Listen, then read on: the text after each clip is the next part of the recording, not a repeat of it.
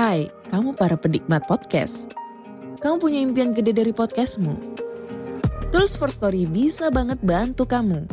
Mulai dari F-Link, Dynamic Audio Insertion, sampai statistik yang komprehensif. Semua ada di First Story. Gak ketinggalan kamu bisa monetisasi podcastmu lewat iklan dari First Story Ads yang bisa kasih kamu penghasilan dari setiap place podcastmu. Yuk gabung sekarang dengan klik di firststory.me. Sekali lagi, klik di firststory.me. Mari kita bawa mimpi podcastingmu menjadi kenyataan.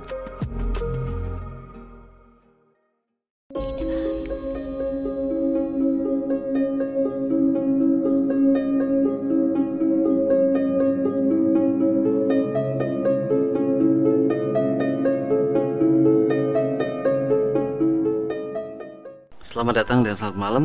Ini Denny, narator dari Rumah Indonesia untuk membacakan sebuah cerita horor untuk menghibur kalian semuanya. Sebelumnya terima kasih buat kalian yang sudah subscribe channel ini, kemudian juga yang like, komen dan juga share, dan juga buat kalian yang setia mendengarkan saya di podcast Rumah Horor Indonesia di Spotify. Pada malam hari ini saya akan membacakan sebuah cerita dengan judul Laboratorium Pabrik. Selamat mendengarkan. Cerita yang hendak saya tulis ini adalah pengalaman teman-teman sekantor di Daan Mogot dulu. Saya bekerja di bagian pemasaran dan mereka, tiga orang, bekerja di laboratorium di lantai atas. Gosip tentang adanya hantu di pabrik kami ini sudah lama terdengar. Karena menurut orang-orang lama, lokasi di mana pabrik kami berdiri itu dulunya kuburan.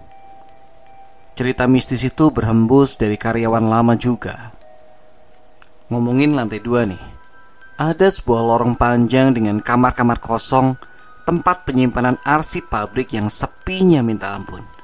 Saya sendiri setiap kali melewati lorong itu selalu ada perasaan aneh, seperti ada sepasang mata misterius yang selalu mengawasi gerak-gerik saya sehingga acara mengambil tumpukan invoice pun selalu saya lakukan pada jam-jam ramai.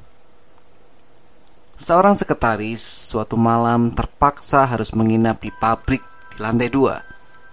Pada malam itu ketika ia hendak berangkat tidur, tiba-tiba mendengar sebuah langkah pelan mendekat. Ia berpikir itu security, makanya ia tenang saja dan melanjutkan tidurnya.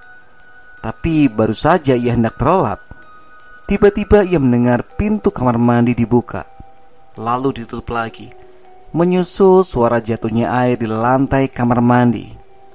Si sekretaris kaget bukan main. Ia langsung bangun dan mengetok pintu kamar mandi. Suara air itu pun langsung hilang.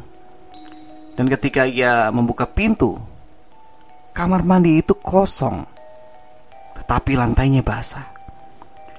Terlihat sekali baru saja ada seseorang yang menggunakannya. Si sekretaris langsung ngacir, lari ke bawah dan tidur di pos satpam. Itu cerita lama. Cerita yang terjadi di era saya ternyata lebih mengerikan. Ruang laboratorium di lantai atas itu terbagi dua. Satu ruang praktek dan satu lagi berupa kantor yang terdiri dari tiga meja yang dibatasi oleh pintu dari kaca sehingga mereka bisa melihat siapa yang masuk dan keluar kantor. Demikian juga sebaliknya. Siang itu menjelang zuhur, salah seorang pegawai laboratorium sudah berniat turun untuk makan siang. Ketika ia tengah berbenah di ruang praktek, tiba-tiba telepon di meja kerjanya berdering.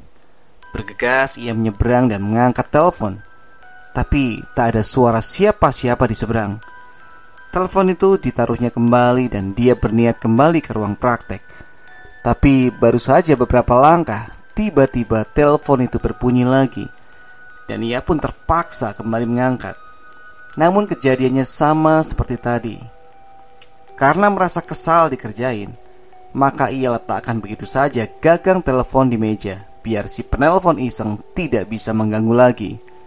Ia pun segera melanjutkan pekerjaannya di ruang praktek. Ketika ia tengah sibuk mengangkat kaleng-kaleng pewarna, tiba-tiba ia melihat seorang gadis memasuki ruang kerjanya. Anehnya, gadis itu mengenakan seragam pabrik yang lama berwarna putih biru sebatas lutut. Rambutnya panjang sebahu. Gadis itu duduk membelakangi pintu kaca. Dia hanya diam, tidak melakukan apa-apa. Dari ruang prakteknya, teman saya itu mencoba mengenali si gadis.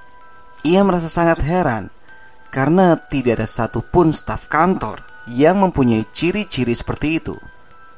Dengan penasaran, teman saya itu berniat segera menyeberang ke ruang sebelah. Diletakkannya kaleng terakhir dengan terburu-buru. Ia melirik jam di tangannya sebentar, dan ketika ia kembali menatap ke ruang kerjanya, si gadis sudah hilang, raib entah ke mana. Teman saya mengejar keluar, tetapi hanya bertemu angin.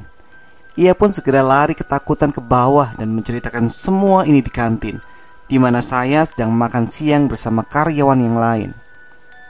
Sebagian orang langsung percaya, sebagian lagi malah meledek. Yang paling percaya adalah Pak Medi, pegawai bagian contoh yang doyan gosip. Mulutnya nyinyir seperti perempuan.